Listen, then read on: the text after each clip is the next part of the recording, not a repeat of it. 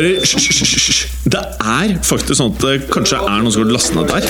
Sånn. Altså. Nei, nå må vi bli ferdig. La meg bare få spilt inn her, da. Velkommen til fotballuka!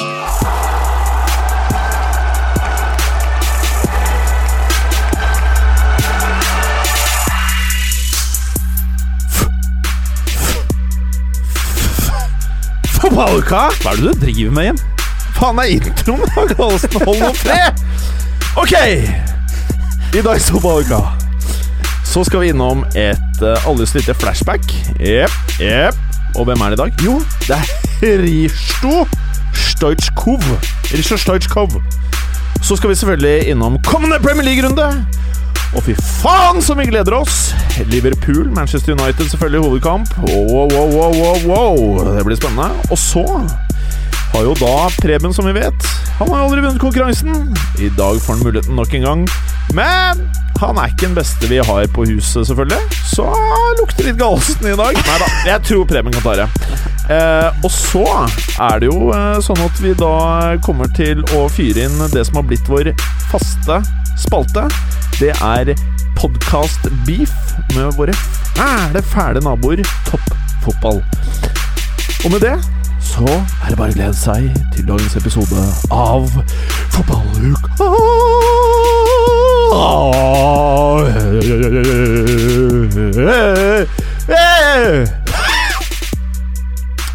Morten Gallosen, hvor er du? Jeg sitter rett ved siden av deg. Jim Fosheim. Det gjør du. Det er vanskelig å få øye på. Du er jo så li liten med de 208 eller 210-meterne du har med deg i studio hver uke. Fem.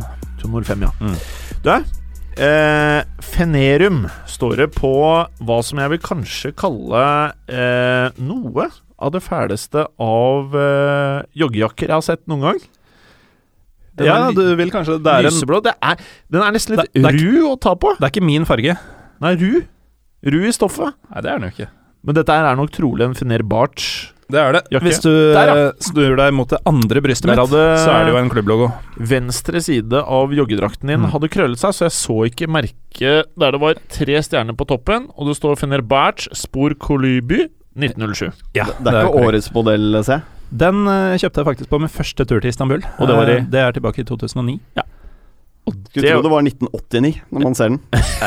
Det var litt av appellen. Er var det. 89 over den. Og så Mm. under der, Preben, som du også ser, er en fæl, fæl T-skjorte. Og for første gang i fotballuka-historien, kan ikke du beskrive T-skjorten til Gallosen? Det er en klovn som spyr i dass, og det er jo for så vidt ganske dagsaktuelt. Åssen ser spyet hans ut? Det er en uh, regnbue, er det ikke det? Er den litt homovennlig? Er det lov å si det? Stjerner og regnbuespy. Vet du hva, det har jeg aldri tenkt på, men eh, det kan jo også være stikk motsatt. At han eh, rett og slett blir kvalm av eh, homofili og slenger det i, søp eh, i do. Eller prøver å fortelle oss noe om den T-skjorten her, Gallosen? Nei, jeg gjør egentlig ikke det, men nå ble jeg litt bekymra for hva folk skal tro. Ja. Jeg, jeg syns det en, Også vi pleier å si, en, klovn- en Ikke at det er noe gærent med det. en men- klovn som spyr en regnbue i dass, Ja. Eh, det skal liksom folk bruke til å tillegge meg meninger jeg ikke har. Ja, ikke sant? Det er Da- noe rart med Da har samfunnet gått for langt, altså. Vi har det. Og, og eh, bare for å ta dette her eh, Vi hørte jo på den ikke fordi vi eh, liker den der fæle uh, podkasten Toppfotball, men bare for å høre Fordi de driver og maser og kjaser. Det Vi er, hører egentlig, de første fem minuttene bare for å få med oss det. det er jo egentlig en litt for liten podkast til at vi gidder å bruke tid på dem. De prater jo Hvilken serie er det de prater om igjen? Den derre Er det Tippeligaen, er det det? Nei. Så er mye tid om? på det der ubrukelige landslaget. Ja, Nå er jo jeg for så vidt uh, Lillestrøm-fan, men Tippeligaen er jo ganske snart irrelevant for meg også, da. Det blir mer Obos. Uh. Ja. Men skal jeg fortelle deg hvor lavt toppfotball eh, har sunket, folkens? Og det er det at Er det det desperate forsøket fra Lilleheie du skal fram til? Hvem er det igjen? Jeg tror han heter Lilleheie. Lilleheie eller Lilleeie? Nei, Et eller annet sånt. Eh, men i hvert fall han fyren da i, Ja. i, i toppfotball. Han er med i toppfotball? Ja. Uh, han, han prøvde liksom å innbille han! Han prøvde å innbille lytterne at Ja. han ikke har hørt om oss. At han ikke veit hvem vi er. You know Altså- who we are! Ja, at uh, Lille et eller annet, ikke Lillestrøm, men hva han nå heter, ikke skal ha hørt om meg, Morten Galaasen, eller Preben Ringerike. La meg si det sånn. Den er jo absurd. Ja, det er Men- sjukt. Men jeg vil bare poengtere Altså hvor lite populære toppfotball er her hos moderne media. Det er nemlig at eh, Vestkanttribunalet som er våre venner som prater om Lyn fotballklubb. De kom inn her tidligere i uka, og de også hadde hørt om de fæle, fæle toppfotball. Så tok de de der dumme skjerfene som de har lagt igjen, de der toppfotballgutta, vet du. Blant annet han derre Lillehøye Nei, Lille. Uh, Gudene veit. Ja, han, han hadde, Jeg tror han var en av dem som har lagt igjen skjerf her. Og vet du hva de gjorde i Vestkanttribunalet? De la skjerfet sitt over skjerfet til han lille Og det sier jo litt, da!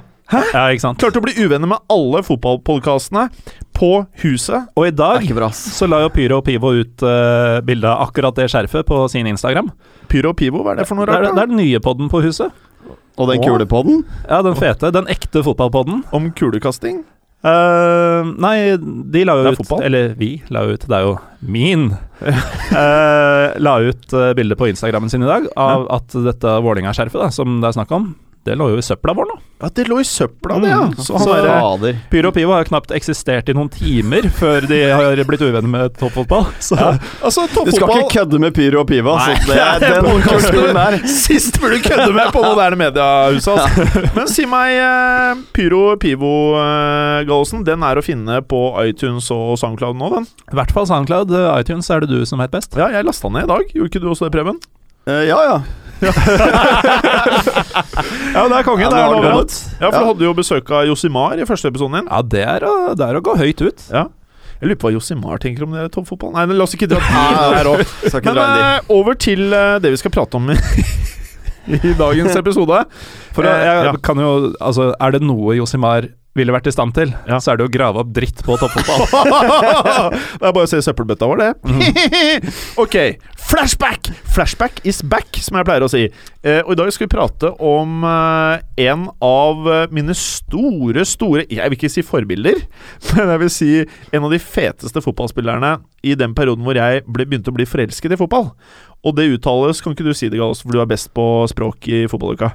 Hristo Stojkov. Risto Stojkov. Hva husker du om Risto Stojkov, Preben? Altså, han spilte jo på det utrolig fete bulgarske landslaget med Trifon Ivanov, som vi var eh, Det er vel et år siden vi snakket om Ivanov, var det ikke det? Han var vel et av de første flashbackene Jeg tror hadde. det. Ja, han var vel den første. Ganske nøyaktig et år siden. ja. Så Ulven. Nei, Ulven, ja. Han er vel kanskje den største bulgarske fotballspilleren gjennom tidene. 83 landskamper og 37 mål. Men er han større enn han som ligner på, de, som ligner på dere? Du, du vet, eh, du har begynt å kalle meg ja, ja, fordi for ett år siden så var jeg Jordan Letchkov. Nå er jeg Jason Statham. Det har gått jævlig Altså, ett år Ja, det går oppover, da. Det går jævlig Det går nedover. Ja, Det går nedover, ja. Ja, ja. Ja, Du mener Letchko er fetere enn Jason Statham? Fetere er han. Jeg vet ikke om han får mer damer, men det trenger jo ikke Preben bekymre seg Jeg tror Letchkov får jævlig mye da. Storchkov, var det han du skulle snakke om, eller? Ja, det var det. Men eh, det er jo, hele den gjengen er jo helt legendarisk. Og dessverre så vil jo Bulgaria aldri få et landslag som verken er like bra eller like fett uh, som dette. Men uh, godeste Risto, han, altså, for å sette det litt i perspektiv, han uh, er jo for våre yngre lyttere bare et navn som var toppskårer i VM 94, blant annet. Men han vant jo faktisk Ballon d'Or Oi. i sin tid. Altså, jeg skal ikke si han var den tids Ronaldo eller Messi, men han var Og det var i VM-året i 94. ja. Uh, og da danna han jo for øvrig uh, Jeg har jo sagt mye dritt om Barcelona i denne podkasten, eller jeg har i hvert fall gitt uttrykk for at jeg ikke liker Barcelona noe særlig. det er et fælt lag, ja. Uh, men det laget de hadde da, hvor spissparet var Stojkov og Romario, Oh, Jesus. Det, det syns jo altså. til og med jeg er sexy. Med Haji bak seg. Ja. Det er litt sjukt, faktisk. Blir jo ikke råere. Ja, det er litt sjukt. Men uh, Stojkov, han er jo Han er fra Plovdiv, eh, leste jeg først, og det er jo den ene byen jeg har vært i Bulgaria. Dødsfet by. Så ble jeg litt skuffa da jeg leste mer, for han er fra en landsby like ved som het uh, Jasnopole. Men etter en avstemning Har du vært der òg, eller? Der har jeg ikke vært. Det er litt spesielt å ha vært i én by i, Bulgaria. Og Plovdiv. Ja. Eh, Var det det, pga. Stojkov? det kan Nei, for dette fant jeg ut nå. Oh, ja. Men det viser seg at han er jo ikke fra Plovdiv, men han er fra den nærliggende landsbyen som het Jasnopole. Men etter en avstemning blant eh, folk i landsbyen i 1997, så heter den byen nå Stojkovo. Det er fett. Så dette Det- er Sier jo alt, da. Da vet du du fortjener en flashback i fotballuka. Gjør det, altså. ja, sant? Dette, er- dette er jo stjernen han Nei. har uh, Er dette her første flashbacket vårt som har fått en by eh, oppkalt etter seg, så vidt vi vet? Så vidt vi vet. Ja, så vidt vi vet. Trifon burde jo hatt noe, men Han må jo få en, eh, spesielt nå post mortem. Ja. Må han uh, hvile i fred. Jeg tviler på at noen i toppfotball kommer til å få noe by oppkalt etter seg. Ja, det, vil overraske meg, faktisk. det faller på sin egen urimelighet. Å, fy fader. Men uh, Risto, fotballspilleren, han eh, presenterte seg vel først eh, som 19-åring i den bulgarske cupfinalen i 1985. Da han vel spilte for CSKA Sofia, tror jeg. Og som 19-åring, folk hadde knapt hørt om han, havna i slåsskamp på banen eh, og ble utestengt. Først så var utstengelsen utestengelsen hans på livstid fra bulgarsk fotball. Det er strengt, ass. Og kort tid etterpå ble den straffa endra til et år. Ah, ja. uh, så Det er nesten ikke noe forskjell. Men tenk hvor annerledes eh, livet hans hadde vært om han aldri hadde fått spille fotball igjen. Det hadde vært stygt, tror jeg, altså. På et tidspunkt hadde verdens beste spiller, ifølge Ballon d'Or-juryen. Han er mest kjent fra Barca-tiden, vil jeg tro, for eh, folk flest. Jeg kjenner han mest fra. Bulgaria, faktisk. Men, Ja, fra landslaget, Mm, selvfølgelig. Men uh, det er fra Barcelona-tiden hvor han herja og Liten tur innom Parma før han var tilbake i Barca igjen. Og, så avslutta han selvfølgelig karrieren i diverse Hva var det, Al Nasser og Ja, DC United. Og prøvde seg på litt trenerkarrierer som var DC United, da, og der var det jo en interessant eh, hendelse også. Det var vel i 2003. Eh, så takla han en motstander eh, så beinet til vedkommende brakk. Oh, ja. Han ble jo da saksøkt av, av spilleren.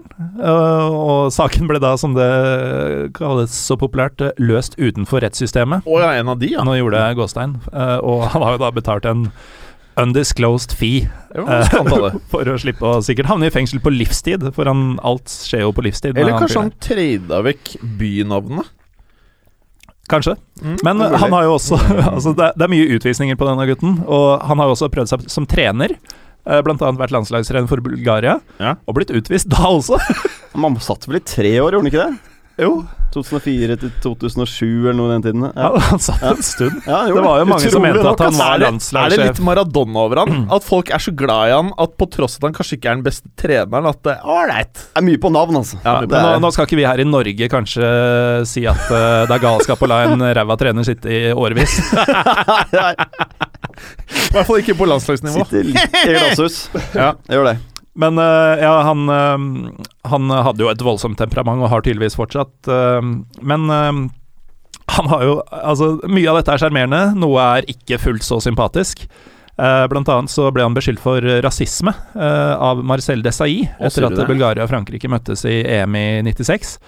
Eh, og da Stoichkov ble konfrontert med påstandene om at han hadde vært ufin mot Desailly pga. hudfarge, så benekter han jo ingenting.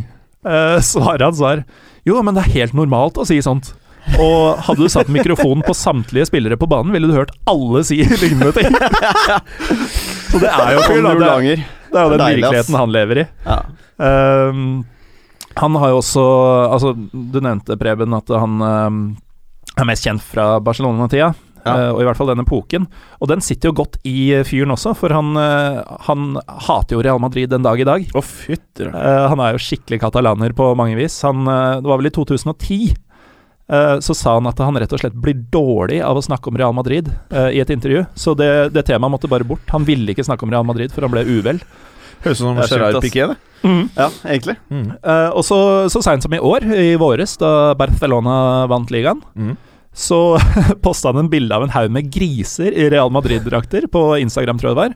En haug med griser i Real Madrid-drakter og en ball eh, i grisebingen. Kanskje det var han som kasta det der grisehodet på Figo. Det kan være. Damn. Og så var var teksten bare noe sånn som 'Dette er sånn Real Madrid trener'. Wow. han, er, han er en fargeklatt. Ganske kontroversiell type. Altså. Han har jo en ivrig jeger òg, på fritiden.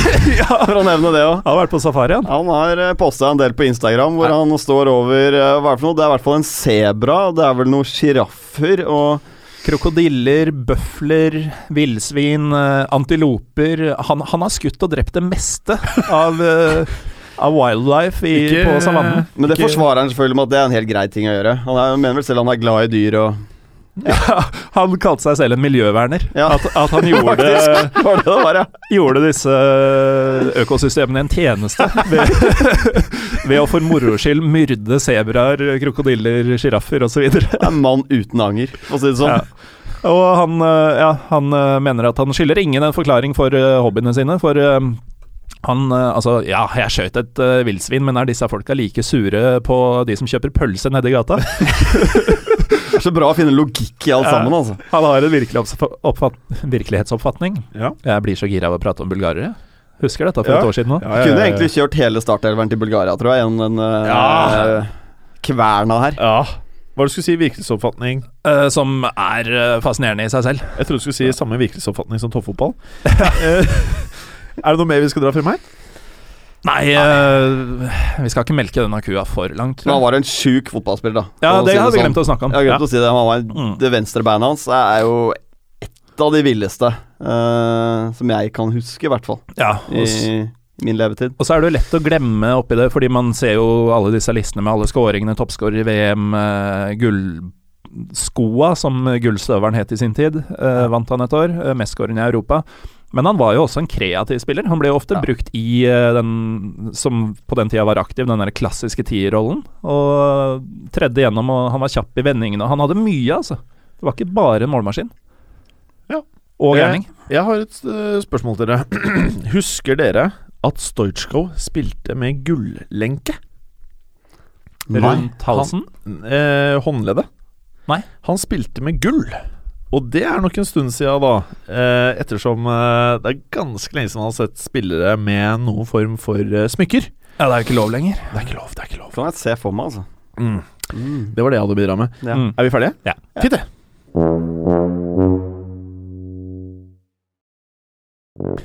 Å, hvor glad jeg er i dag! Og dere vet hvorfor? Premier League eh, skal begynne igjen. Yeah, buddy! Hadde depresjoner jeg i helgen. Herre- Helt jævlig. Jeg visste ikke hva jeg skulle gjøre. jævlig. Og så alt det derre maset, det landslaget Uff, Blir så sliten. Blir så sliten. Jeg tror du Per-Mathias er happy nå, med den dopingsaken som har kommet ut nå? Endelig får han mediefri 14 dager. Hva tenker du på Johaug? Ja, ja. ja, ja. Vi tar jo også mye sånn eh, leppebalsam. Det er derfor vi er så flinke. Vi får jo masse å øke ekstra øke- juice. Kvoten holdt jeg på. Øke dosen. Øke dosen heter det. Ja, legen vår han, eh, så, han så faktisk på pakken at det sto doping og sånn rød varselstrekant. Så sa han Det kan dere bare ta. Ja, Så vi har ikke problem. samme regime som en Johaug. Men hun tok det, hun òg, da. Så det var litt pussig. ok. eh, uh, kampen vi må starte med, det kan jo bare være én match. Eh, det som for veldig mange er det største oppgjøret i Premier League, nemlig Liverpool-Manchester United. Hva tenker vi om det, Preben? Først så tenker jeg at dette er, eh, det er et hatoppgjør som går mandag kveld klokken ni norsk tid. Det kommer jo til å, til å smelle. Men eh, jeg tenker litt sånn, hadde jeg vært United-fan, så, så hadde jeg faktisk gruet meg hele helgen. Jeg tror det er mange United-fans som gruer seg til den matchen. her. Det er på mange måter Liverpool, det laget som beveger seg mest mot Manchester United, som de siste to årene har vært veldig statiske. Så jeg tror det er mange United-fans som ja, som, som er litt bekymret for om de i hele tatt klarer å holde tempo til Liverpool gjennom 90 minutter. Og Det var jo en sak for et par uker siden også, da det kom opp at United eh, under Mourinho har jo løpt eh, enda mindre. Ja. Og vært enda mer statiske.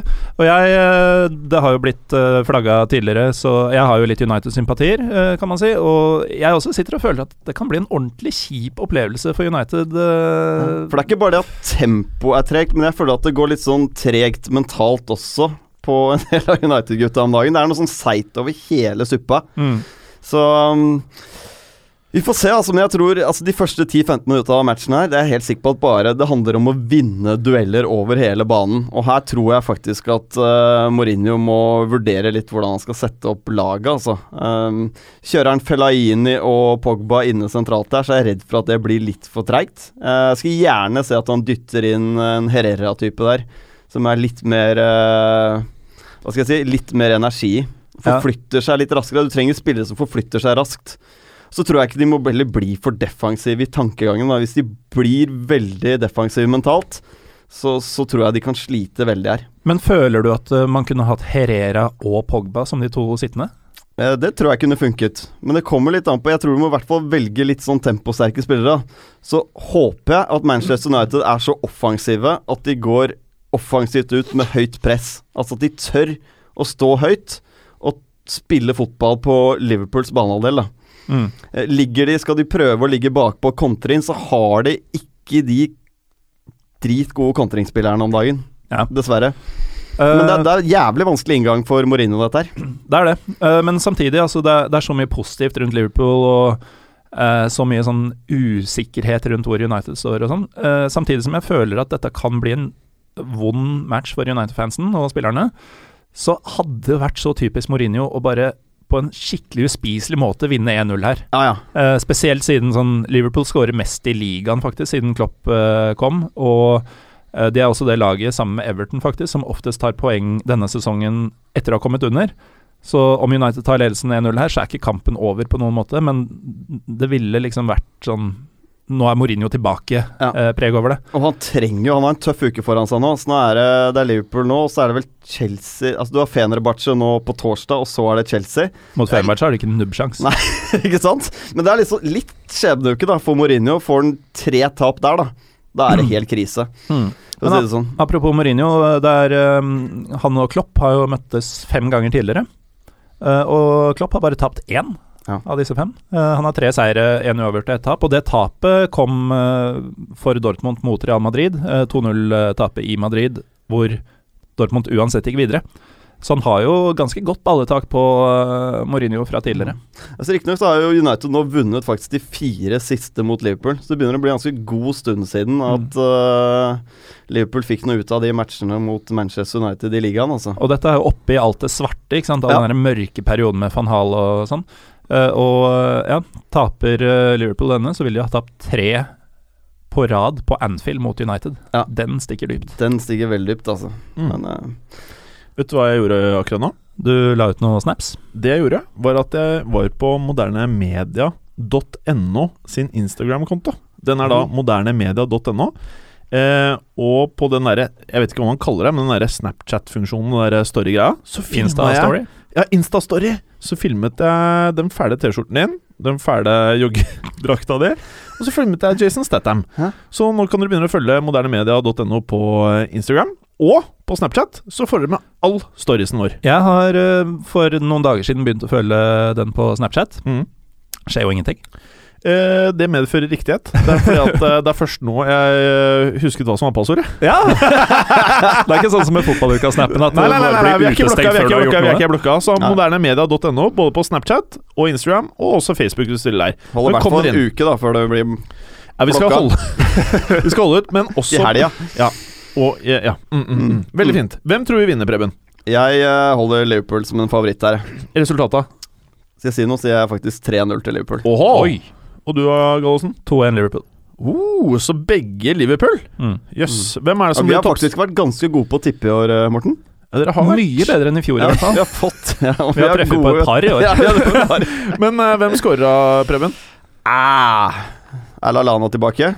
Uh, jeg vet Vinaldum hadde vondt uh, her om dagen. Jeg husker Nei, ikke. det tør jeg jo, ikke tror spå, jeg ass. tror Lallana er tilbake, faktisk. Jeg håper Ragnar åpner kontoen. jeg. Ragnar putter begge. Ja, Ragnar det har putter vært begge. for sjukt. Vi må videre. Alle tre. You know what time it is? It's S-E-X-Y Sexy Crystal Palace som tar imot Westham, som kommer til å få a can of whoop-ass, eller hva, Gallosen? Ja, men faktisk uh, Å. Palace Westham akkurat nå det, Jeg syns det er et litt sexy oppgjør. jeg. Ja! Det er det jeg sier! Det er det jeg har sagt For jo, Nå ligger jo Palace på åttendeplass. eller noe sånt Det er jo et crazy overpresterende Crystal Palace. Uh, øvre halvdel, liksom. Faen. med, med en glødende Benteke. Uh, Ja, sexy Benteke. ja, mot, Vet du hva, Det kan på mange måter vise seg å være årets scoop, hvis han fortsetter. jo, men vet du hva, det er, det er en så perfekt signing for dem. Fordi altså, siden eh, Benteke debuterte i Premier League, så er han den, eh, i, den spilleren i Premier League, sammen med Giroud, som scorer mest på heading.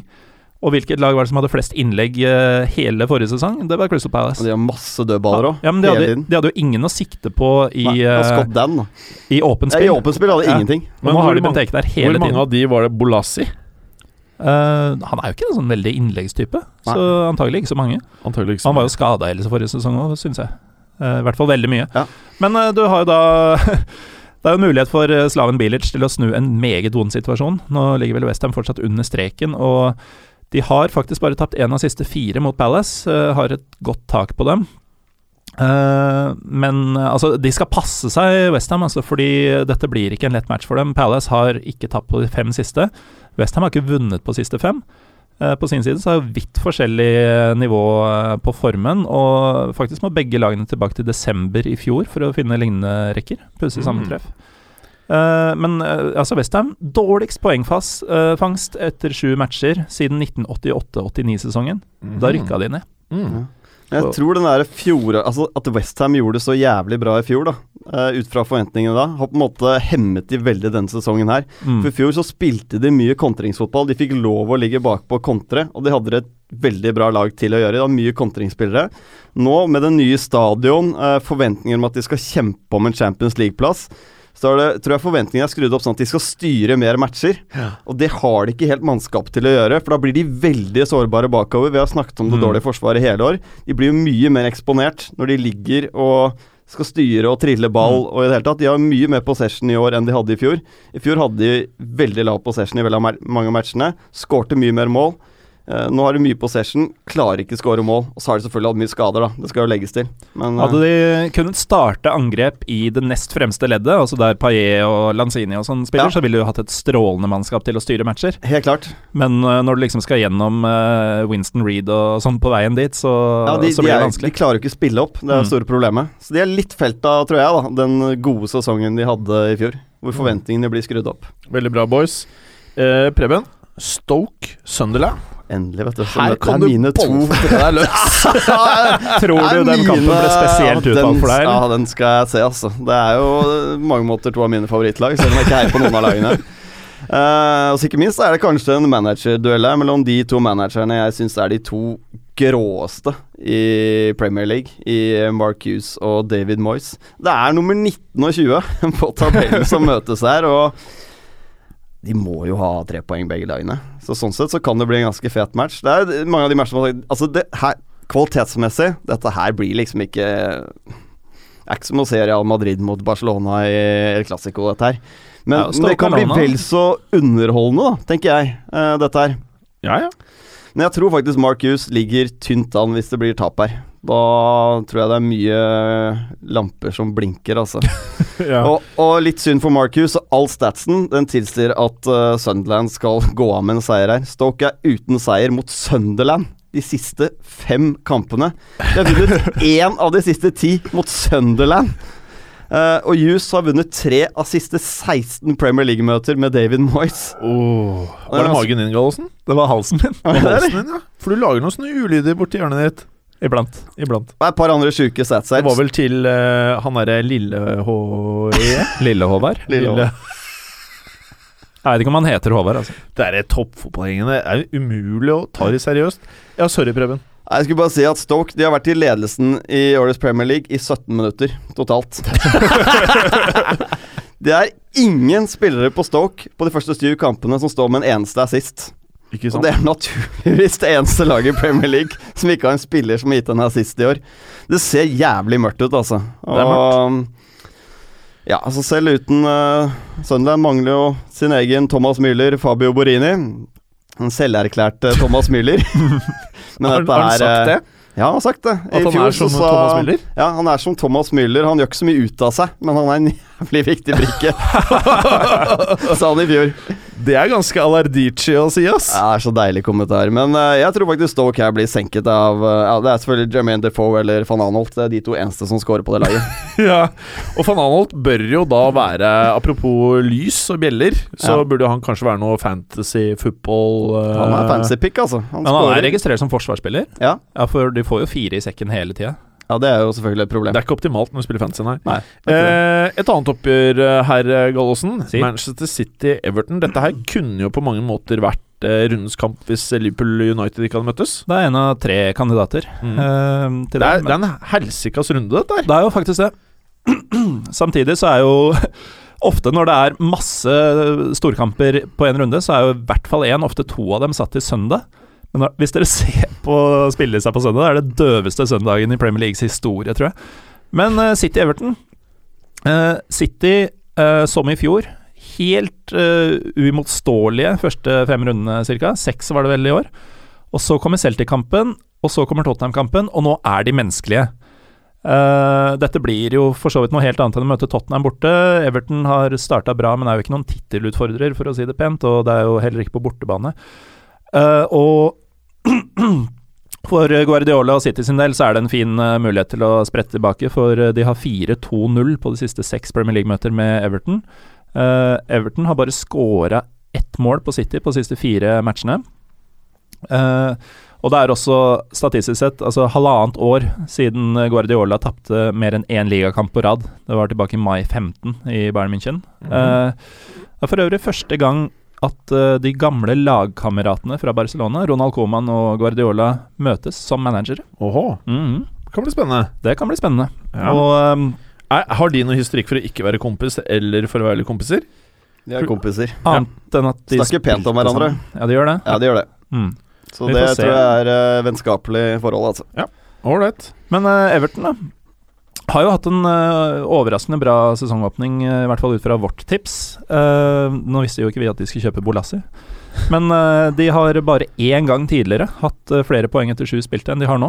Mhm. De har fått Lukaku i form, og De Bruyne er muligens ute. Han skal visstnok være fysisk spilleklar, men det ryktes at han spares til Barcelona-kampen i midtuka, og det er jo forståelig. Så der ligger på en måte håpet til Everton. da. Uh, og det er også at uh, dersom City tar ledelsen, så er det ikke over. For som nevnt tidligere, uh, de to Liverpool-lagene, Everton og Liverpool, er de lagene som har kommet, eller tatt flest poeng etter å ha kommet under så langt i sesongen. Det blir spennende. Mm. Ja, men Det lukter litt sånn av Everton at de har fått en grei start, men jeg tror de på det kommer til å fade av litt og bli den åttende-niendeplassen som mange har tippa dem på til slutt, uansett. da. Ja da.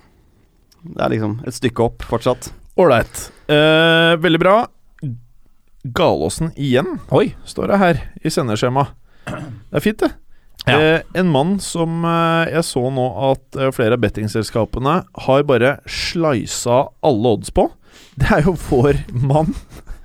Fotballukas store er manager retning, det. Det er så riktig retning. Mario Conte. Eh, skal ta- Mario? Antonio jo Antonio han. Conte skal ta imot han derre Leicester-sjefen. Hva er det som skjer nå. Claudio. Ja. Ja, uh, det er Nummer, nummer én, kan fortelle meg hva er det de maser om nå? Er det noe jeg ikke har fått med meg? Skal Conte slutte? Er det noen ville rykter? Du hadde vel eh, fått med deg dette, Jeg har fått med dette her, og greia var at uh, mens Chelsea-troppen var og trente på Cobham, så var Antonio Conte på Stamford Bridge i noen møter. Og da har jo alle Da har det kommet inn masse spill på at Antonio Conte får sparken som den neste manageren i Premier League, og da er det en del av bettingselskapene som har bare suspenda alle spill på det. Uh, men så har det kommet noen oppklaringer nå at det er uh, bare rør. Uh, så Antonio Conte sitter trygt foreløpig, virker det som. Noe annet hadde jo i og for seg vært ganske sjukt. Ville jo vært Han har tapt mot Liverpool og Arsenal, det kan skje, tenker Altså, jeg. å bruke flere hundre millioner på David Det kan jo skje, faktisk. Ja, det er liksom ikke helt krise. Å bruke flere hundre millioner på David Luiz er jo for så vidt grunn til å sparke noen, men, Det er det. eh, det, er det. men det var i hvert fall ikke John Stones, si. Nei, men det er jo John Terry tilbake i trening, da. Jo, men han er nok ikke spilleklar, Nei, er eh, nok mest ikke. sannsynlig. Um, men altså, Chelsea-Lester, den tredje kandidaten for øvrig til uh, rundens kamp, uh, det er de to siste års ligamestere. Mm. Altså, Ja, nå, det er faktisk sant. nå begynner man å få det litt på avstand, kanskje, at Leicester vant, og, men det er fortsatt helt sykt, altså. Det er helt sykt. At man kan si dette. Um, Så på mange måter de to siste årenes to beste lag, da. Altså vi, Litt før sendinga snakket vi om at vi stussa litt over at dette ikke var søndagskamp. Og så tenkte vi å ja, ene laget er jo Champions League, ja. Ja. Det er jo Leicester. er ganske sjuk situasjon. Det er ikke Chelsea. ja, altså, hvorfor er ikke dette søndagskamp? Ja, ja, selvfølgelig. De skal jo spille Champions League. Leicester. Men hvem vinner dette oppgjøret? Ja, det skal jeg fortelle deg, eller det skal jeg prøve å fortelle deg. Nei, dette vet du. Jeg vet ikke, men uh, altså William mister også trolig matchen. Uh, Terry er ute, Forsvaret ser jo ræve ut uten han. Er det pga. at uh, moren til William døde? Uh, Chelsea, uh, før forrige sesong, hadde vunnet seks ligakamper på rad mot Leicester. I fjor vant det ingen av dem, var én uavgjort og ett tap. Det var jo tilfeldigvis etter at Ranieri overtok. Og for Ranieres del så blir dette tredje Premier League-møtet med klubben han tidligere var manager for. De har hatt forskjellig manager hver gang, og det er bare et års tid siden første gangen. Sykt. Så Chelsea har vært litt i turmoil uh, siste året, og um, en merkelig statistikk uh, som ikke har noe med det jeg sa å gjøre, er at uh, det er bare to lag som ikke har scora på dødball denne sesongen, utenom straffer. Og det er Chelsea som er et av dem. Det andre er Sunderland. Og det er jo litt av et selskap å være i. Kanskje det er derfor uh, folk tror at Conte skal få sparken. Du vil aldri være i selskap med Sunderland da, på noe som helst måte. Ja. Men jeg vet ikke. Uh, Terry har vist seg overraskende viktig. William er eh, uhyre viktig. Uh, dersom Hazard og Costa er på, og jeg, om Fabregas får spille, så tror jeg det Chelsea tar det. Jeg syns eh, Preben har hatt en fantastisk analyse av det som foregår i Chelsea, og spesielt eh, Hazard. Han jeg, jeg, jeg, føler ikke at uh, han noen gang kommer til å bli den spilleren han kanskje kunne ha blitt. Hvis han fortsetter å spille i et lag som skifter trenere så hyppig, og gjerne defensive uh, orienterte istedenfor offensive. Så det blir spennende å se liksom, om det er noe man eh, ser i løpet av sesongen at Conte kommer til å spille mer på. Prøve å gjøre Hazard til kanskje en av topp tre beste spillerne i ligaen, hvilket han ikke er i nær Jeg vil si at han ikke engang er topp ti i ligaen om dagen. Ja, det er noe med at du må få gitt ham ballen i riktige posisjoner, og med, som vi snakket om, da, med Matic og Kanté der, så ingen av de er i stand til å spille han opp i de gode posisjonene hvor Hazard er god, da. Så det er en stort, stor utfordring. Stor utfordring. Eh, Preben, hva slags utfordring har West Brom når de tar imot Tottenham, egentlig? Ja, de kan fort få en ganske stor utfordring. Eh, De har, eh, altså Etter en litt sånn treig start eh, spillemessig, syns jeg, da, så, eller ikke poengmessig, men så har Tottenham virkelig fått opp dampen. En sterk borteseier i Champions League mot CSKA Moskva, og ikke minst eh, 2-0-seieren mot Manchester City. Og det er, det er jo mye som taler for en borteseier her. West Brom har kun vunnet én av siste 13 mot uh, Tottenham. Riktignok blitt en del uavgjort der. Eh, og Tottenham er ubeseiret siste seks på The Hawthorns.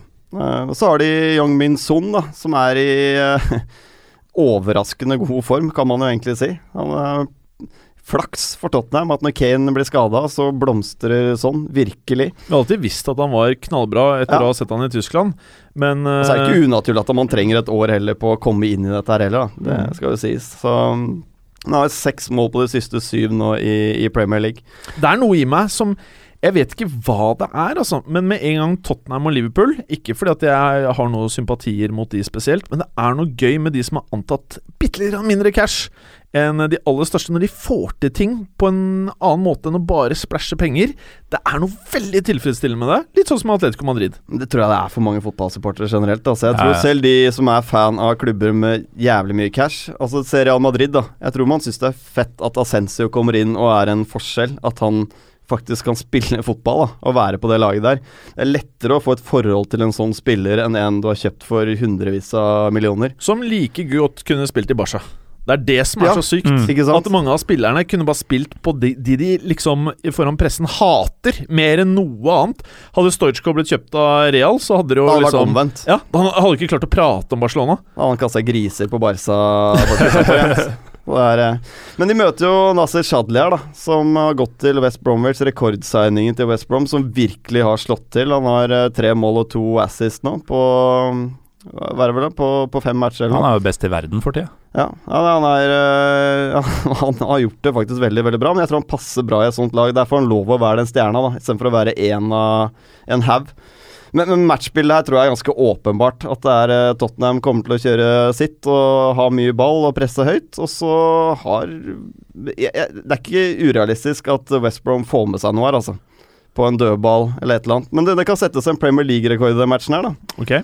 Det er uh, Tottenham som kan gjøre det. De har enda ikke sluppet inn et eneste mål fra åpent spill. Ah. Og holder de uh, litt over 45 minutter i den matchen her, så slår de Liverpools rekord fra 2007. Wow. Ja, Så det er noe å se opp for. Hot stuff. Mm. Uh, Arsenal-Swansea mens du eh, er i gang, Preben. Dette er jo debuten til Bob Bradley, og vi snakket litt om at vi håpet å få med Jan Peder Jalland her, som eh, Ja, Kanskje kjenner han best av alle. Han ønsket å se et par kamper med Bob før han kom i studio. Ja. Og det er greit. Ja, Det så liker da får vi en større analyse, analyse av eh, Bradley etter hvert. Men Bradley blir jo da den første amerikanske manageren da, som eh, skal prøve seg i Premier League, og han kommer jo til å få mye han kommer til å få det tøft med engelsk presse, det er jeg ganske sikker på. De er jo i utgangspunktet ganske negative til dette her, og en del av de punditsene som i og for seg er ganske idioter, Robbie Savage blant annet, som ja, Det er så sjuke ting han sier, altså, men uh, det er mange som syns det er sykt at som at eh, ikke en annen podkast. Toppfotball. Jeg vet ikke hva de sier. Jeg skrur alltid av etter ti minutter. Jeg skulle også det. Uff a meg. Det er mange som heter Ryan Giggs og som burde fått den jobben uten å ha vært på jobbintervju osv. Uh, fordi han har vært god i fotball en eller annen gang, så skal han visstnok automatisk være en jævlig god manager. Og det henger jo på greip. Men, men det blir jo en jævlig tøff start for Bob Bradley, dette her. da De møter uh, Arsenal borte, som har vært uh, veldig solide i det siste. Det er fem strake seire. Men det Bob må lene seg på her, er den utrolig gode staten som uh, Swansea faktisk har mot Arsenal. Eh, de vant 2-1 her i fjor, uh, tilsvarende oppgjør. Eller det var faktisk i mars, tror jeg. Vant 2-1 på Emirates. Og de har kun tapt én av siste fem mot Arsenal. Og de har, av de fire siste så har de vunnet tre og har én uavgjort. Uh, og historisk sett så er det at Swansea er det laget Arsenal tar minst poeng mot på hjemmebane. Så de må lene seg veldig på det. Jeg tror det blir ganske enveiskjøring her. For jeg syns Arsenal, med en gang de faktisk fikk inn Mustafi Jeg må innrømme at jeg var sykt skeptisk til om Mustafi skulle være den rette spilleren, men det har sett veldig bra ut. Jeg syns de har sett veldig mye mer solide ut over hele fjøla. Han virker steinbra, og uh, som vi så for Tyskland Han hadde et par jævlig hissige taklinger. Uh, så han er i hvert fall en die hard do or die stopper. Ja. Og det tror jeg på mange måter er akkurat det Arsenal trenger. Det er kanskje den mentaliteten, da. Mer enn kanskje ferdighetene. Sto ikke blod og spruta for et par kamper siden, og han uh, fortsatt moste på. Ja. Han er litt sånn uh, en annen nykommer i Premier League, Erik Bailly hos United. Hvem er det? Bailly? Bailly. Bailey? Og Bailey! Ja, han, ja. Eric Bailey på United. ja. Nei, men begge to er sånn herre Det er så mye hjerte hjerte i spillestilen. Eh, de ruser inn i situasjoner og skal, skal, vinne den ballen for enhver pris. Det er så fotball. Så går det til helvete av og til. Ja, ja ut, utover i sesongen så kommer vi til å se både røde kort og mm. grove tabber av begge to. Men, men, det er så mye deilig uh, ellers. Altså, når, når, de får til det de prøver på, det, er jo, det fryder jo fotballhjerter. Oh, I hvert fall fotballhjerter.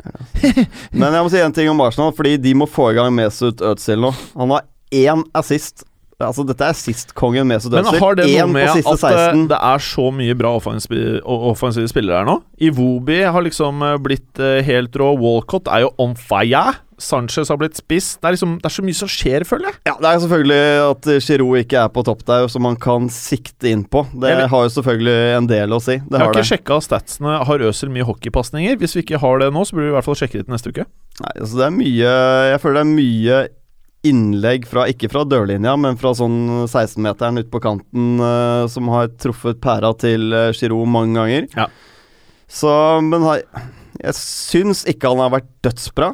Uh, Øzil så langt. Han er veldig keen på ny kontrakt og mer penger. Han har jo ja. disse periodene sine. Han ja. ser jo ofte ganske dritt ut over en lengre ja. periode, og så er han uh, sistkongen igjen uh, i månedsvis. Ja, ikke sant. Ja, det er noe med det. Så, men jeg selv om Arsenal sliter ofte mot Swansea, så klarer jeg ikke å se noe annet. Og dette her blir relativt komfortabelt for uh, Arsenal sin del. Veldig bra. Takk skal du ha, mine gode herrer. Maybe someone's uh, don't like me, but because I'm maybe I'm too good. I don't know why. He has zero titles, and I have a lot of them. Listen, I've just told you I'm concentrating on my football, which I'm doing all summer. There's only one Zlatan. Sure? Yeah. Do you know Zlatan? It was your hand or the hand of God? Cheers. For me, man. I thought it was funny. Oi Hey, karer. Nå er det konkurranse! Og uh, har du, du fått på deg noe dopingleppepomade? Ja, jeg har smurt sånn jævla leppepomade over hele kroppen. Og i dag har jeg faktisk en ganske god følelse. Skulle godt er... vi ikke tester i studio, ass. Ja. Ok, hva slags lyd er det du har å skilte med i dag, Preben? Har denne. What a joke. den er fin. Den kan du, jeg, vi, vi, starter med to eh, bonuspoeng, Preben, for det er en veldig kul eh, lyd. Og så er det herr Gallåsen, hva er det du har i, i hånda? Litt uh, skamløs uh, selvpromotering. Um, hvis du ikke har hørt Pyro Pivo, så høres det omtrent sånn ut i starten.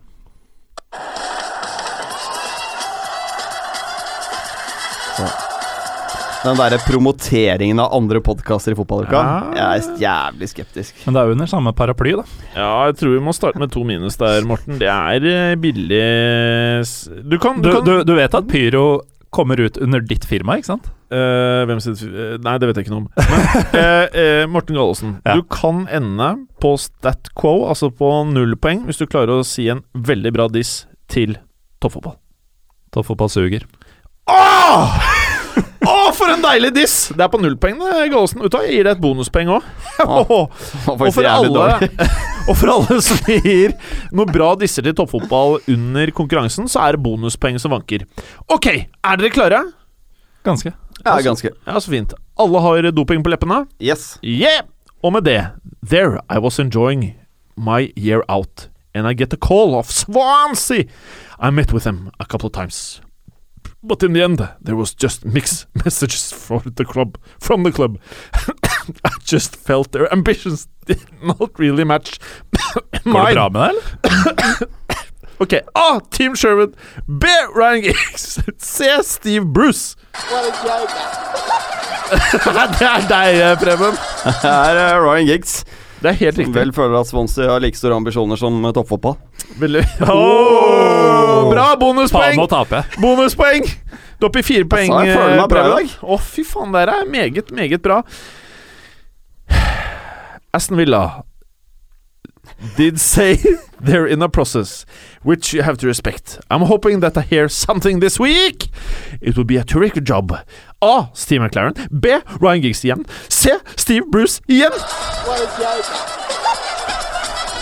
Det tror jeg lukter litt Gallosen, faktisk. Og det lukter også Steve Bruce. Det er helt riktig, Nå Gallosen. tror jeg han har vært på flaska igjen, fordi å kalle Villa-jobben for terrific, det er, eh, det er kontroversielt. Det var jo helt sjukt å si. Har du noe å si om toppfotball, kanskje? Eh, ja, altså, jeg ville heller vært Villa-manager enn å vært paneldeltaker i toppfotball. Eh, var ikke så bra, men good enough. Du får bonuspoeng. Du er oppe i fire, samme som Preben, det. Ja, kanskje Å, jeg har nå sjanse er det jævla spennende.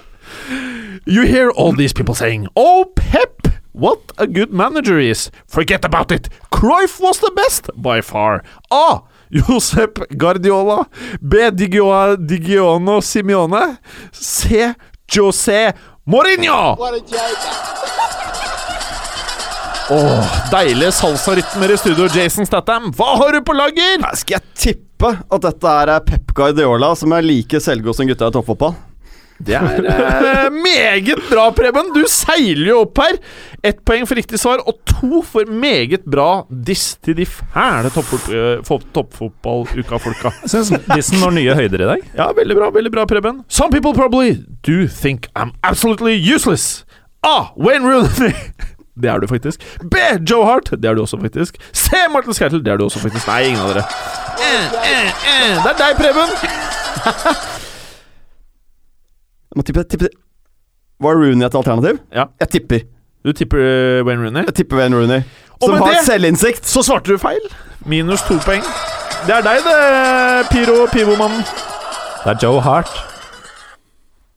Det uh, stemmer. Uh, Pyro Pivo. Du får ett poeng. Har du noe mer i ermet?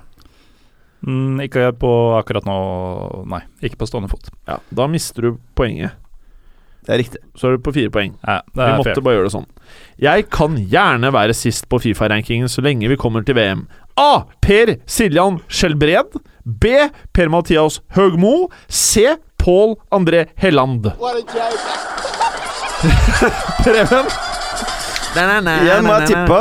Um, Pål André Helland kan si noe sånt nå. Pål André Helland. Det er helt riktig. Det er helt riktig, Preben. Det er så deilig. Har I du noe har jeg noe så god mer på lager? Der har du en mann som uh, har forståelse for konseptet årsak-virkning.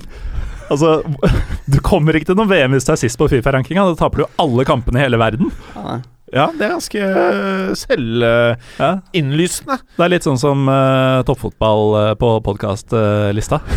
Veldig bra. Der er bra, eh, Morten. Du får bonus. Og du får et poeng for riktig svar, eh, Preben. Takk skal du ha. Og så kommer utfordringen. Eh, jeg har gjort det så enkelt i dag som at bonuspoengene i dag vanker nå. Hvem av dere har best toppfotball-diss? du starter, eh, Morten. Jeg, har- jeg har gått tom. Nei, kom igjen, da! Vi har jo ikke gjort annet enn Ok, da. Uh, nei, jeg vil gjerne bare Det er to stykker vi ikke har fått snakka nok om. Ja, Eh, er det har vært mye Roppestad, og i dag har det vært han derre lillefæle Lillefælingen. Uh, men altså, maken til usympatiske møkkafolk som han der Jørgen Kjernås og Lasse Wangstein. Det er, så, det er så mye vondt i dem. Nå har alle fått.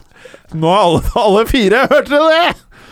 Det er bra, Gallosen. La oss høre om Preben har noe mer eh, Og hvem da? Jeg får nesten litt dårlig samvittighet. Aldri hørt om det. Den var veldig bra, Preben. Veldig bra, Preben! Og med det, Preben, så får du fem bonuspoeng! I dag! Og nå, Nå. er du da endelig sittende der som den store taperen du er! For Galåsen vinner selvfølgelig igjen! Gratulerer, Galåsen, du vant konkurransen nok en gang! Takk. Føles nesten som walkover. Ja, det føles nesten som walkover. Og med det så er jeg ferdig. Takk skal du ha for i dag, Preben. Det var eh, hyggelig frem til konkurransen i dag òg. Takk for i dag, Kan Morten jeg feire seieren med en liten trall? Ja, gjør det.